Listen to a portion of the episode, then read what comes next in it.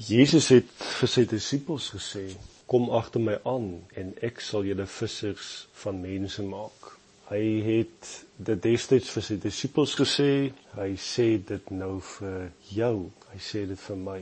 En in hierdie reeks stap ons nou agter Jesus aan en ons het al soveel ontdek en ons gaan nou oor na 'n baie baie kosbare deel.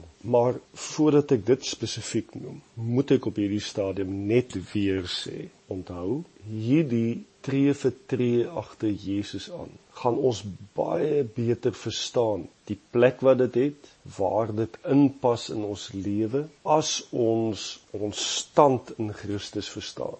Want Jesus het iets vir ons almal kom doen en 'n volledige werk gedoen en afgehandel. Ons staan met 'n sekere identiteit voor God, almal, die hele wêreld. Hy het vir almal gesterf. Ek en jy het saam met hom gesterf, saam met hom opgestaan. En om tree vir tree agter Jesus aan te loop, soos wat jy dit hoor, het met die wandel gedeelte van ons lewens te doen, waar ons soos hy word, waar ons soos hy doen, En ons het nou die afgelope tyd baie gekonsentreer op wat dit eintlik beteken om Jesus te volg.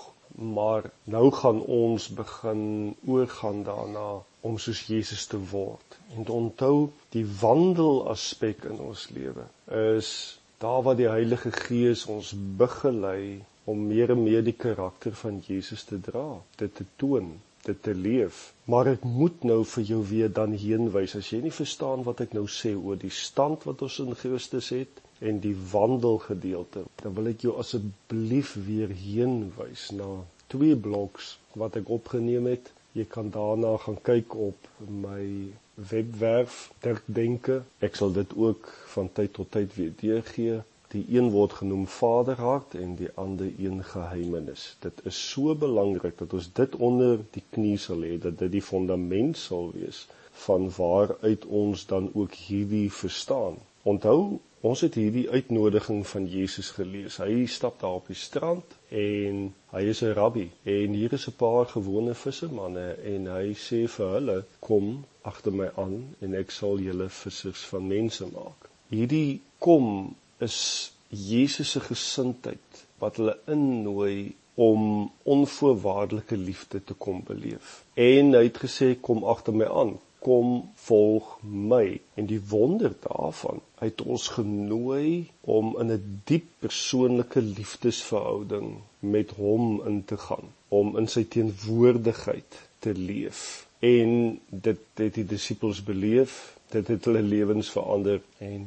dit sal ek en jy beleef. En die prakties daarvan gaan ons nou baie mooi sistematies na kyk so met die verloop van tyd. Maar ek wil hê jy moet iets raak sien. Oor die algemeen lees ons hierdie gedeelte dan as 'n een eenheid, want daar staan kom agter my aan of kom volg my en ek sal julle vissers van mense maak. Ons lees daai ek sal julle vissers van mense maak as een sin, maar ek wil ietsie uithaal. Ek wil hê jy moet sien daar staan ek sal maak. Nie ons sal maak nie of die kerk sal maak nie, maar Jesus sê ek sal maak. En hiermee sê hy hy sal ons vorm, verander, transformeer na sy karakter toe. Natuurlik is daar 'n eindresultaat om vissers van mense te wees. Natuurlik. Maar let op Jesus se strategie. Voordat ons disipelmakers is, wil hy ons verander. En as ons besig is om te verander, want dit is 'n proses, dan sal hy ook disippels deur ons maak. Jy sien, ons almal wil die wêreld of die kerk verander, maar Jesus Hy wil ons verander. Ek weet Max Lucado het op 'n stadium so mooi gesê: Jesus aanvaar jou net soos jy is, maar hy gaan jou nooit los soos jy is nie. As jy saam met Jesus reis, as hy deel van jou lewe is, gaan jy net nie dieselfde bly nie, want Jesus weet as ons verander, gaan dinge rondom ons verander. Dan gaan die gemeentelewe en die wêreld ook verander. Ja, ons almal wil verandering hê, maar ons is nie altyd bereid om self te verander nie. Dit laat dink my aan 'n lied wat 'n baie geliefkoeste gospel rock groep sing, naamlik Petra. En daai lied het by my vasgesteek vir jare. Ek onthou dit nou skielik. John Slit het gesing, "Lord, please send revival, but start with me." Send revival, but start with me. Maar baie keer wil ons nie verander nie.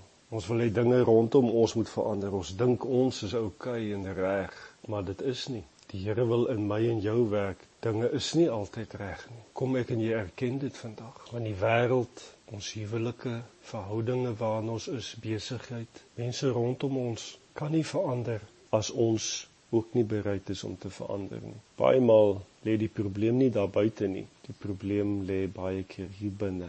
En in hierdie volgende gedeelte van die reeks gaan ons praat oor die feit om soos Jesus te word. Onthou jy nog die agtergrond wat ek jou gegee het, die kultuur van 'n rabbi en disippels? Jy onthou baie goed dat as Jesus gesê het kom, volg my, dan het dit beteken hy nooi jou om soos hy te kom word en soos hy te kom doen. Hoor baie mooi, nie om soos jou kultuur dieper en dieper te word en meer te word nie, nie om soos 'n ander beroemde persoon meer en meer te word of soos jou kerk meer en meer te word nie. Nee, hy nooi jou om soos hy te word. En kom ons gee onsself daarvoor.